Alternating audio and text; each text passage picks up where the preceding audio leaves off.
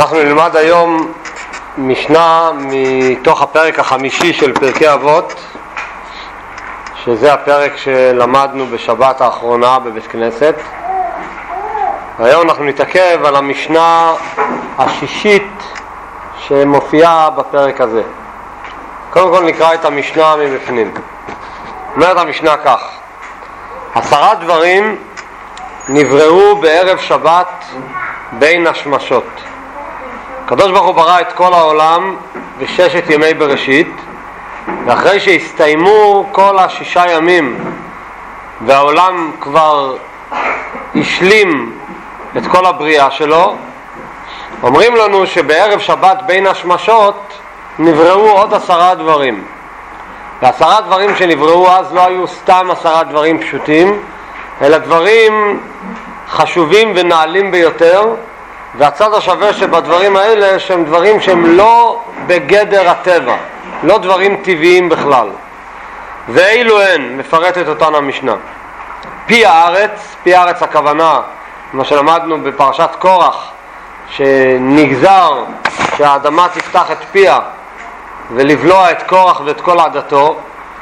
פי הבאר, זה הבאר של מרים שהיה הולך איתם במדבר לכל מקום והיה נותן להם מים. פי האתון זה פרשת השבוע, תודה. פי האתון זה פרשת השבוע שלנו, שאנחנו לומדים על האתון שבלעם, שפתחה את הפה ודיברה עם בלעם, שכבר בששת ימי בראשית, בערב שבת בין השמשות, נגזר על העניין הזה שהאתון תפתח את הפה. הקשת, הקשת הכוונה לאותו סימן ידוע שהקדוש ברוך הוא קבע אחרי המבול שיותר לא יהיה מבול על העולם.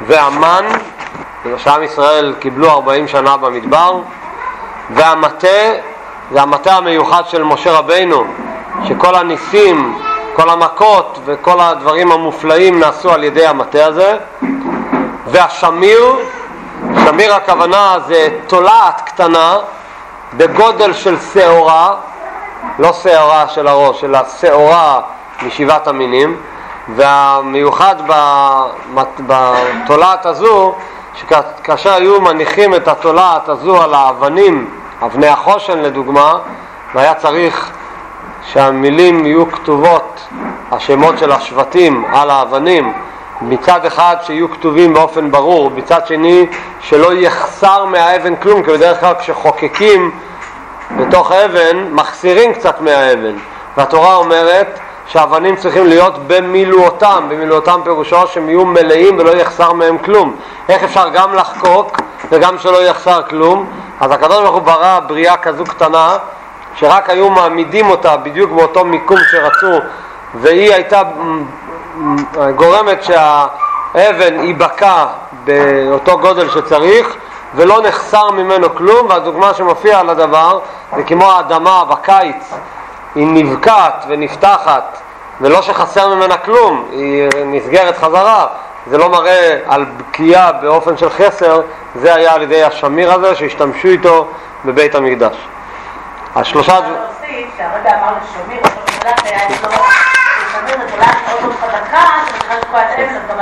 יהיה חזק, נכון? משמעות. השלושה דברים האחרונים זה הכתב והמכתב והלוחות. מה, מה זה נקרא הכתב, המכתב והלוחות? זה שלושה דברים מופלאים שהיו בלוחות הברית. קודם כל הכתב, מה, מה הכוונה הכתב? האותיות שהיו חקוקים בלוחות היו עומדים בנס, ראו את זה בצורה בולטת באות מ' ובאות ס'. שמה ראו באות מ'? אות מ', מ' סופית הכוונה, כשחוקקים אות מ' סופית חייבים לעשות הרי גם נקודת אמצע, כמו שיש בשבלונות שיש לגני ילדים שעושים אה, אותיות, אז האות מ' סופית יש לה אמצע, אבל בשבלונה צריך לעשות לה, לאמצע שתי אה, תפיסות וחיבורים שזה לא ייפול. לעומת זאת בלוחות הנס היה שהאמצע עמד בנס, הוא עמד בדיוק באמצע ולא נפל בלי שום תפיסה. זה היה הנס של הכתב. והמכתב, מכתב הפירוש הוא שמכל ארבעת הצדדים שהחזיקו את הלוחות יכלו לקרוא את זה באופן ישר. זה היה חקוק מעבר לעבר, ומכל צד שהחזקת יכולת לראות את האותיות בצורה ישרה, זה גם נס גדול. והלוחות, הכוונה היא לאבן עצמה, שהיא הייתה אה, אבן מאוד מופלאה ומהירה, היה בה ניסים גדולים גם באבן עצמה. כל הדברים הללו נבראו בערב שבת בין השמשות. פה סיימה המשנה את רשימת עשרה הדברים. בסופו של דבר מוסיפה המשנה עוד מספר דברים, ככה, ויש אומרים אף קברו של משה רבינו, קברו של משה רבינו כידוע זה דבר שהוא לא בדרך הטבע, לא רק העניין הזה שמשה רבינו יצטרך להיות בתוך קבר זה בכלל לא דבר נורמלי. גם למצוא את הקבר של משה רבינו, כתוב הרי שלא ידע איש את קבורתו, זה לא דבר טבעי בכלל, ואילו של אברהם אבינו, זה אותו איל שאומרים על זה כל יום בתפילה, מזכירים את זה מתוך התורה, שנאחז בסבך, בקרניו, אחרי הקידה, אז נגזר כבר בערב שבת בין השמשות שהאיל הזה ייתפס באותו סבך כדי שאברהם אבינו יוכל למצוא אותו. ויש אומרים אף המזיקים, מזיקין הכוונה זה אותם שדים שאחרי שהקדוש ברוך הוא ברא את אדם ואת חווה, אז כתוב שהוא ברא את השדים, והברטנורה אומר כאן דבר מאוד מעניין וקשה להבין אותו, אבל זה, אני אצטט לכם רק את לשונו של הברטנורה, הוא אומר שהקדוש ברוך הוא היה מתעסק בבריאת השדים, הוא ברא את הרוח שלהם, והוא לא הספיק לברוא את הגוף שלהם ונכנסה השבת, אז הם נשארו רוחות בלי גופים. ומלאכים של טומאה. והדבר האחרון זה ואף צבת בצבת עשויה. מה הכוונה? נדבר על זה עוד מעט יותר בהרחבה, קודם כל פירוש המילים. צבת זה כמו מה שאנחנו מכירים בשפה שלנו, מלקחיים, אז כל מלקחיים, כל צבת, כדי ליצור אותה צריך צבת אחרת כדי לתפוס, כדי ליצור. אז את הצבת הראשונה, מי ברא ומי עשה? הצבת הראשונה עשה הקדוש ברוך הוא בערב שבת בין השמשות. זה המשנה כפי שהיא נקראת לפי פשוטה. אנחנו נראה במשנה הזו להבין גם את המשמעות של הדברים בצורה קצת יותר פנימית ומעניינת, ובעיקר מה שאנחנו משתדלים תמיד לעשות, הרי פרקי אבות נקרא דברים שהם דברי חסידות, מילי דחסידותא זה נקרא. פרקי אבות אלו דברים שנאמרו כדי שאנחנו נלמד מהם מידות טובות והנהגות ישרות ודברים שאדם צריך כדי להיות חסיד להקפיד עליהם. אז נראה שהמשנה הזו זה לא רק מספרים לנו סיפור, היסטוריה, מה קרה בערב שבת בין השמשות, אלא יש בזה מסר ליהודי בחיי היום-יום. לא נספיק לעבור על כל הדברים ולראות מסר מכל דבר, ניקח רק שלושה דברים, על הכותר... נדבר על הכותרת של המשנה וניקח שתי דוגמאות שנדבר עליהן, שמזה אפשר ללמוד דברים נפלאים. קודם כל, יש כאן שאלה כללית על המשנה. פרק ה' בפרקי אבות, מתחילתו, מביא לנו רשימה של דברים שהם במספר עשר. מתחילים במשנה הראשונה, בעשרה מאמרות נברא העולם. אחר כך, המשנה השנייה מדברת על עשרה דורות שהיו מאדם ועד נוח ועל עשרה דורות מנוח ועד אברהם. אחר כך עוברים לעשרה ניסיונות שנתנסה אברהם אבינו. אחר כך עשרה ניסים שנעשו לאבותינו במצרים ועל הים.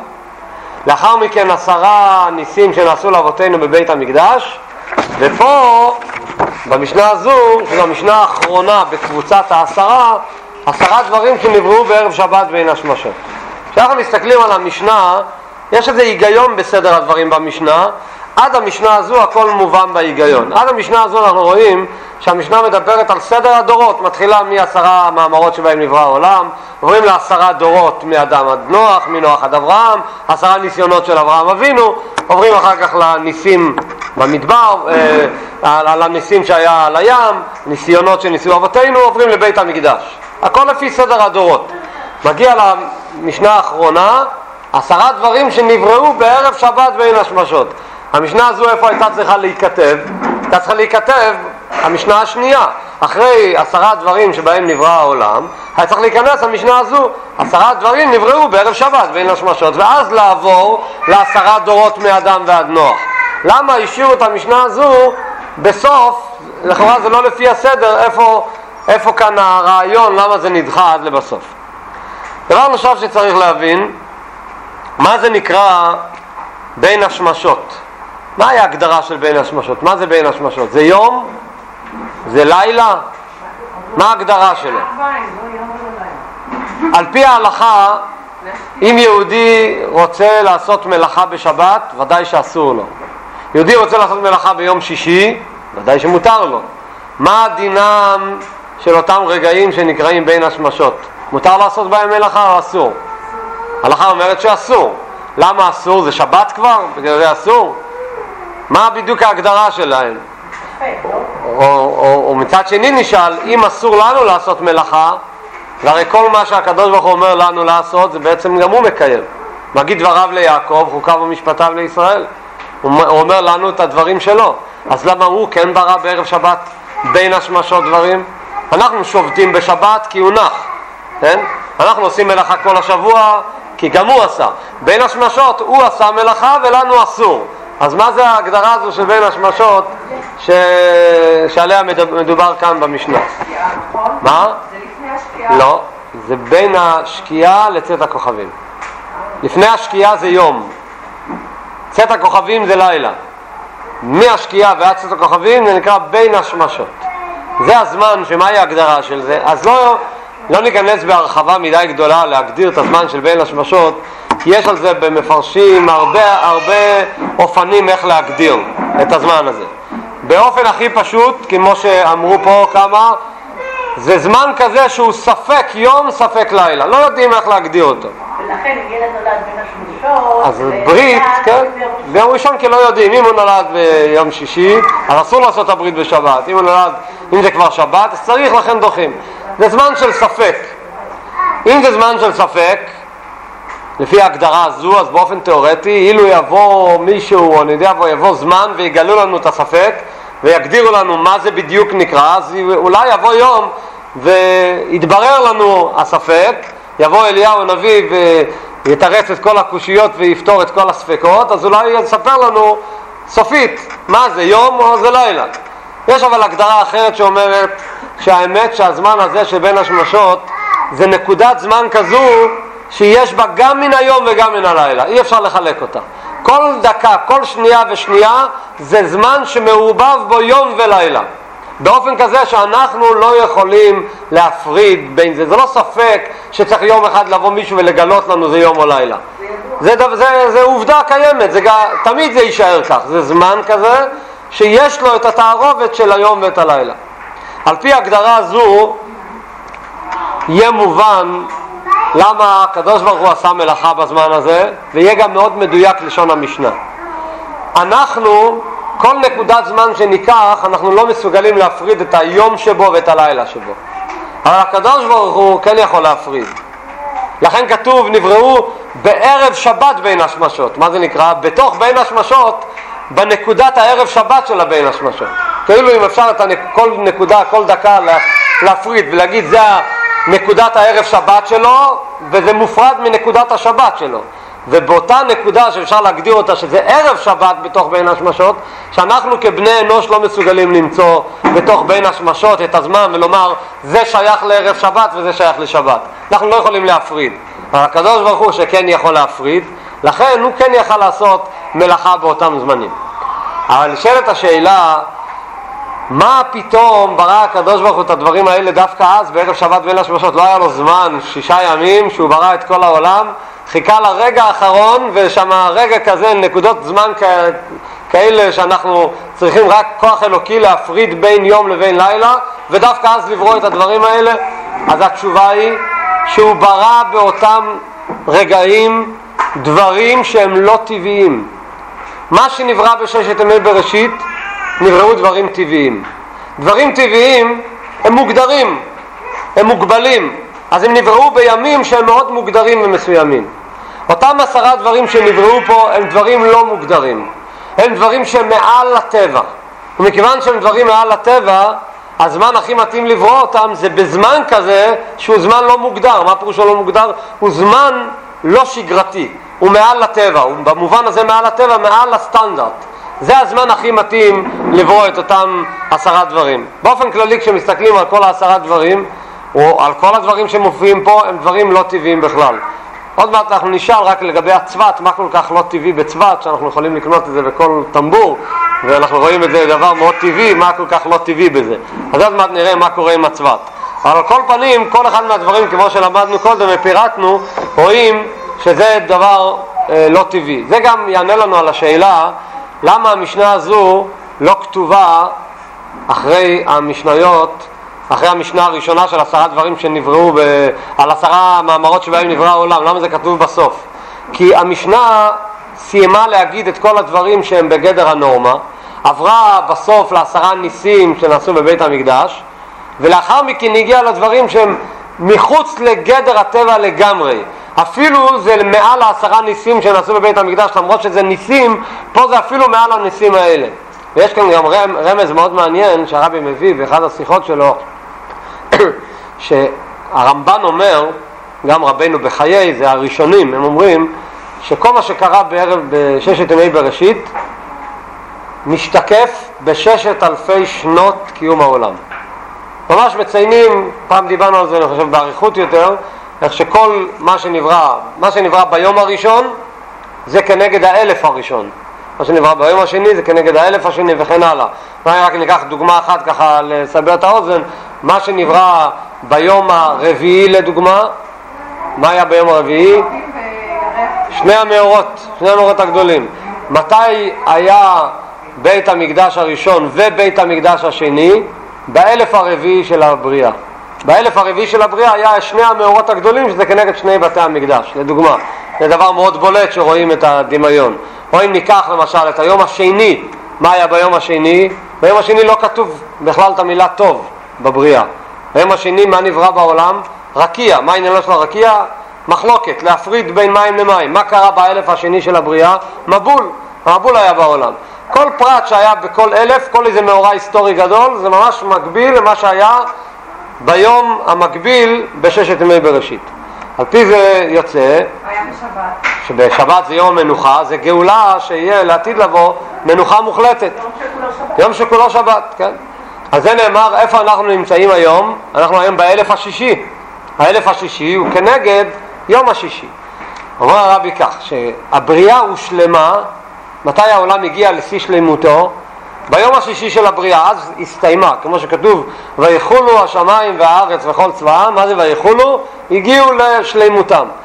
ביום השישי עצמו, מתי הדברים הגיעו לשיא השלמות שלהם? כשנבראו עשרה דברים האלה, ובזה נחתם הבריאה. מתי נבראו עשרה דברים האלה? בערב שבת בין השמשות, זאת אומרת בסוף היום השישי ממש, ברגעים הכי אחרונים של היום השישי, אז העולם הגיע לשלימות התיקון שלו, ומהרגע הזה, כשהעולם הגיע לשלימות התיקון שלו, הוא עבר ליום שכולו שבת. אומר הרבי שבדיוק אותו דבר זה גם כן התהליך של הבריאה. במשנה הקודמת דיברנו על בית המקדש. עשרה ניסים נעשו בבית המקדש.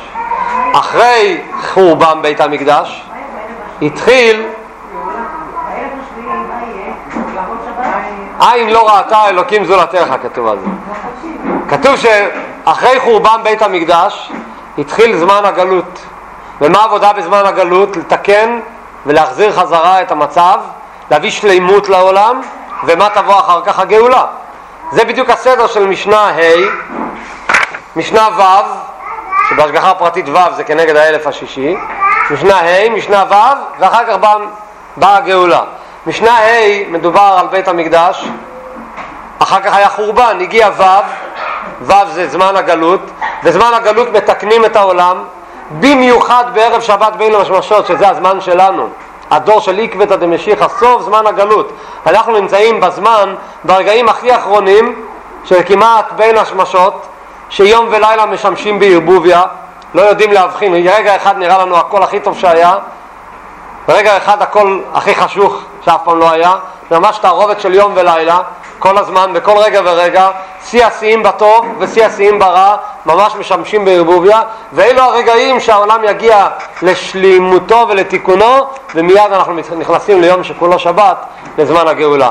אז המשנה הזו היא ממש המשנה שמדברת על הזמן שלנו, על התקופה שלנו, שזה אנחנו אה, לומדים כרגע פה. עכשיו נתקדם הלאה.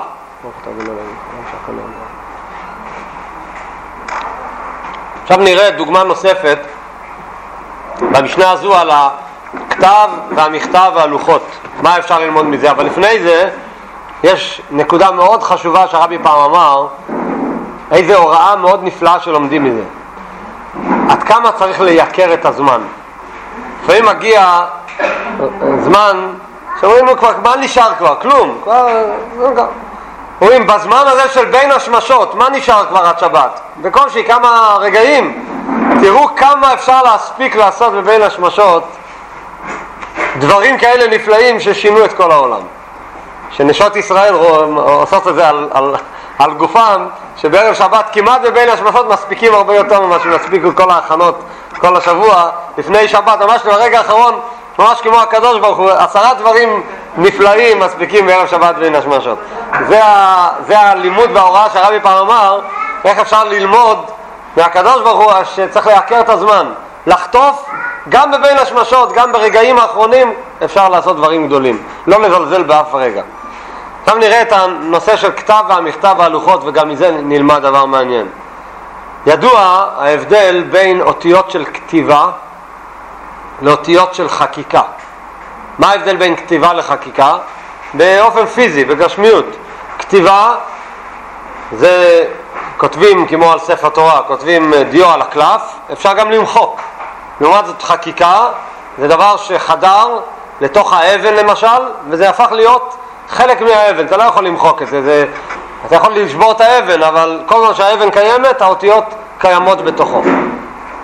אומרים שבלימוד תורה של יהודי יש שתי רמות. יש לימוד התורה באופן וברמה של כתיבה, ויש לימוד תורה ברמה של חקיקה. לימוד תורה ברמה של כתיבה זה שאדם לומד תורה, והגית ביומם ולילה, לא מפסיד שום רגע, אבל זה לא הגיע לשיא השיאים שזה הפך להיות אחד איתו. גם יהודי שרק היה ברמה של כתיבה, זה גם מצב מצוין, זה אפילו מצב של שלימות.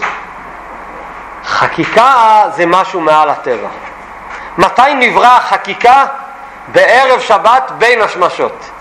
זאת אומרת, כל מה שנברא בעולם עד ערב שבת בין השמשות זה מושלם, לא חסר בזה כלום. אדם שלומד תורה ברמה של כתיבה, אי אפשר לבוא ולהגיד לו זה לא שווה כלום. זה שווה, עולם על מילואו נברא, הכל בסדר גמור. אבל יהודי צריך לדעת שהחקיקה, אם הוא יגיע לרמה של חקיקה, זה הדרגה שעליה נאמר, כל, אה, הלשון של המשנה אומרת, אין לך בן חורין, אלא מי שעוסק בתלמוד תורה. מי שעוסק בתלמוד תורה הוא הבן חורין האמיתי. רואים את זה פה. אתה רוצה להיכנס לשבת, שבת זה מנוחה, אתה חייב לעבור את השלב של עוסק בתלמוד תורה. מה זה עוסק בתלמוד תורה? לימוד באופן של כתב והמכתב והלוחות זה אותיות חקוקות. אם אתה תלמד תורה באותיות חקוקות, זה המעבר הישיר לשבת, למצב של אין לך בן חורין אלא מי שעוסק בתלמוד תורה. כל זמן שהלימוד התורה שלך יהיה רק מה שאתה חייב אתה תעשה, אבל זה לא חודר אצלך כחלק מהמהות שלך, זה בסדר גמור, אבל זה לא הגיע לשלימות של אין לך בן חורין, אלא מי שעוסק בתלמוד תורה. זה אחד הרמזים בעניין הזה של הכתב והמכתב והלוחות שנברא דווקא ברגע הזה, ברגע שמעל הטבע. הנקודה אבל המעניינת ביותר במשנה הזו זה הנושא של הצבת. הצבת הזו שנכנסה פה במשנה, בין הדברים המופלאים ביותר שנבראו בערב שבת בין השמשות, מה הרעיון בצבת הזה, מה רוצים ללמד אותנו בזה, יש כאן כמה שאלות ונגיע מזה לנקודה ולימוד והוראה מופלאים ביותר בעבודת השם. קודם כל נראה מה השאלות שיש פה בדבר הזה. דבר ראשון, כל הרשימה הארוכה שהיה לנו עד פה, הם באמת דברים שהם מעל הטבע. וצבת הוא ממש דבר רגיל, שגרתי וטבעי ביותר. מה, מה הוא בכלל נכנס פה בעניין הזה? מה, מה הגדלות שלו? דבר נוסף שלא מובן, יש מאמר חז"ל בגמרא שאומרים ככה: למה האדם הראשון נברא אחרון? יש שתי סיבות. סיבה אחת אומרת, בגלל שהאדם, אם הוא יחטא, יחטא, יגידו לו שאפילו היתוש נברא לפניך, אין לך מה להתגאות, אתה נבראת האחרון, אבל יש סיבה אחרת שדווקא מרוממת את האדם. אומרת לנו שהאדם הוא כמו מלך. כמו מלך לא מכניסים אותו לארמון עד שהארמון לא מוכן, ככה האדם לא נכנס לעולם עד שהוא לא מצא עולם מושלם לגמרי. יש לשון, הלשון בגמרא זה כדי שייכנס וימצא הכל מוכן לסעודה. זה הלשון בגמרא. נשאלת השאלה, לכאורה בסעודה של אדם הראשון היה חסר צבת, כי כשהוא נברא, הוא נברא לפני הצבת. כשהוא נברא לא היה עדיין צבת בעולם. אז איך אפשר להגיד שהאדם הראשון הגיע והכל מוכן לסעודה? כל הרשימה הקודמת לא חסר לאדם הראשון. פי הארץ לא חסר לאדם הראשון, כי זה דבר שאמור להשתמש איתו רק בזמן מסוים, וככה כל שאר הדברים האלו דברים שאין להם שום שימוש לאדם הראשון. אבל הצבת, לכאורה זה דבר שהוא שימושי אה, כמו כל דבר אחר שנברא לפני האדם הראשון, כדי שלא יחסר לו כלום. אז לכאורה מה עם הצבת? חסר לו צבת. למה? אומנם הזמן מאז שהאדם הראשון נברא עד שהצבת נברא זה זמן קצר ביותר, אבל ברמת העיקרון שהאדם חייב להיברא, להיברות אחרי הכל, אז למה הצבת בא אחריו ולא לפניו? דבר נוסף, המשנה, על איזה צבת היא מדברת פה? יש כאן הרי לשון כפולה, ואף צבת בצבת עשויה, זה לשון המשנה. מה הפירוש המילולי של המשפט הזה? צבת בצבת עשויה. המשנה הזו מדברת על הצבת השנייה שהיא נעשתה על ידי הצבת הראשונה, כמו שאמרנו קודם. כדי לעשות צבת, אתה חייב שיהיה לך כבר ביד צבת מוכן, כדי שדרכו תוכל לעשות צבת חדש. את הצבת השני והשלישי ועד הצבת שקונים היום בחנות, מי יצר אותו? הצבת הזה יצר אותו צבת קודם וצבת קודם וכן הלאה. מי יצר את הצבת הראשון? זה יצר הקדוש ברוך הוא בששת ימי בראשית. אז המשנה הזו, כשהיא אומרת לך צבת בצבת עשויה, היא מדברת על הצבת השנייה, ואומרת שהצבת השנייה בצבת עשויה, היא עשויה על ידי הצבת הראשונה. למה המשנה לא כתבת בקיצור? ואף הצבת. הצבת נברא, מה חשוב לדבר על הצבת השנייה ולכתוב את זה ככה בסגנון הפוך, שהצבת השנייה שנעשתה בידי אדם נבראה על ידי הצבת הראשונה שנעשתה על ידי הקדוש ברוך הוא בששת ימי בראשית. סגנון ככה מאוד מוזר, למה לכתוב את זה בסגנון כזה? ובכלל יש שאלה, אחד המפרשים שואל שאלה מאוד מעניינת. יש לנו דבר בעולם שלא נוצר רק אחרי שהראשון יצר הקדוש ברוך הוא, כל דבר הראשון יצר הקדוש ברוך הוא. כל בהמה שנולדה, להבדיל כל אדם שנולד, או כל דבר שאדם עושה. את הראשון יצר הקדוש ברוך הוא, והשני והשלישי אנחנו יכולים לעשות. זה לא, רק, זה לא דבר מיוחד דווקא בצבת. כל דבר, יש לו את הראשון, והראשון נברא על ידי הקדוש ברוך הוא. מה מיוחד דווקא בצבת? שהוא מיוחד, שהוא נעשה על ידי הצבת הראשון. מה, מה כאן ה... מה, מה הסוד הגדול בצבת הזה? והדבר האחרון שנשאל, באופן טכני, היום ידוע, אני אמרתי לך ככה בפשטות שכל צבת חייבים ליצור עם צבת קודמת, אבל זה לא בהכרח. אפשר לעשות uh, תבנית בצורה של צבת וליצוק לתוכו uh, מתכת וליצור צבת בלי צבת ראשונה. כל צבת חייב להיות שהיא נוצרה על ידי צבת בדווקא. אפשר ליצור צבת גם עם תבנית. אז מה הפירוש ואף צבת בצבת עשויה? היה הקדוש ברוך הוא, אם הוא לא היה בורא את הצבת בערב שבת בין השמשות, והאדם הראשון מאוד היה רוצה צבת, היה יוצק לו צבת. מה, מה כאן, בקיצור, מה מרומס פה בצבת הזה? אז כאן אומר הרבי נקודה מאוד מעניינת, והצבת הזה הוא בעצם רמז ללמד אותנו הוראה חשובה ביותר בעבודת השם בהרבה הרבה עניינים, ונביא כמה דוגמאות לדבר. אומר הרבי כך צבת, שהקדוש ברוך הוא עשה את הצבת הראשונה, לא היה, ככה מופיע, מופיע במשנה, לא היה לצבת הראשונה שימוש עם מטרה בפני עצמו. כל מה שהקדוש ברוך הוא עשה את הצבת הראשונה, למה הוא עשה את זה?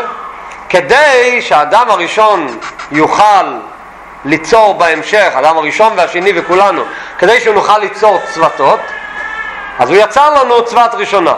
לפי זה יוצא שאחרי שנוצר הצבת השנייה, מה אפשר לעשות עם הצבת הראשונה? אפשר uh, להשליך אותה, לא צריך אותה יותר. זאת אומרת, הצבת הראשונה, כל השימוש שלה הוא בשביל משהו אחר. במילים אחרות, ישנם דברים שהם אמצעי ולא מטרה. איך אנחנו בדרך כלל מתייחסים לדבר שהוא אמצעי? בדרך כלל, דבר שהוא רק אמצעי ולא מטרה, אז אנחנו מתייחסים אליו, הוא רק אמצעי, אז הוא שולי. ברגע שאנחנו עברנו את האמצעי, הגענו למטרה, מה אנחנו עושים עם האמצעי? יכולים uh, לזרוק אותו הצידה, העיקר המטרה. באה המשנה שלנו ומרמזת לנו ואומרת לנו, יהודי, כשמדובר בעניינים של קדושה, גם האמצעי תתייחס אליו בשיא החשיבות כאילו שזה היה המטרה. בטבע של האדם מאוד קשה להתייחס כך לדברים. בטבע של האדם אנחנו עושים הבחנה מאוד ברורה בין, עוד מעט ניתן, ניתן דוגמאות אז זה יהיה יותר מוחשי. בטבע האדם מאוד קשה להתייחס לאמצעי ולמטרה באותו רמה. אנחנו יודעים דבר שהוא אמצעי הוא רק אמצעי, הוא, אנחנו עושים אותו אולי יותר ב, ככה בלי שימת לב, העיקר לעבור, העיקר להגיע למטרה. כדי שבן אדם יתייחס גם לאמצעי באותו חיות ובאותו הקפדה כאילו שזה היה המטרה, בשביל זה הוא צריך להיות יהודי קצת מרומם. הוא יהודי שהוא מעל הטבע קצת, הוא יהודי שמעל, הרבי משתמש פה אפילו, הוא יהודי הוא בעל מסירות נפש.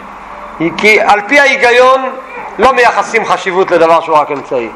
יצר הקדוש ברוך הוא בערב שבת בין השמשות דבר שהוא רק אמצעי, הוא מיד מדגיש לנו, הוא נברא בשביל משהו אחר. אבל מי יתעסק עם האמצעי הזה?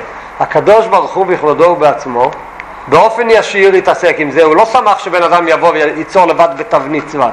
הוא בעצמו יצר את זה, למרות שכל המטרה שלו היא רק להיות אמצעי למשהו אחר. מתי הוא עשה את זה? בזמן הכי יקר שעושים שם רק את הדברים הכי מופלאים, ואז הוא יתעסק עם דבר שהוא רק אמצעי. ללמדנו כמה אמצעי חשוב. עכשיו ניתן דוגמאות למה הכוונה. ניתן קודם כל דוגמה הלכתית. למשל, בבית המקדש ידוע שכאשר הקריבו קורבנות, בעת הקרבת הקורבן היו צריכים לחשוב מחשבות שלא יפסלו את הקורבן. אילו אדם בעת הקרבת הקורבן היה חושב מחשבה שהוא למשל מתכוון לאכול את הבשר של הקורבן לא בזמן שהתורה קבעה או לא במקום שהתורה התירה, עצם המחשבה, אפילו שבפועל הוא לא יעשה כך, עצם הדבר שהוא חושב כך, המחשבה הזו פסלה את הקורבן. הקורבן הזה פסול.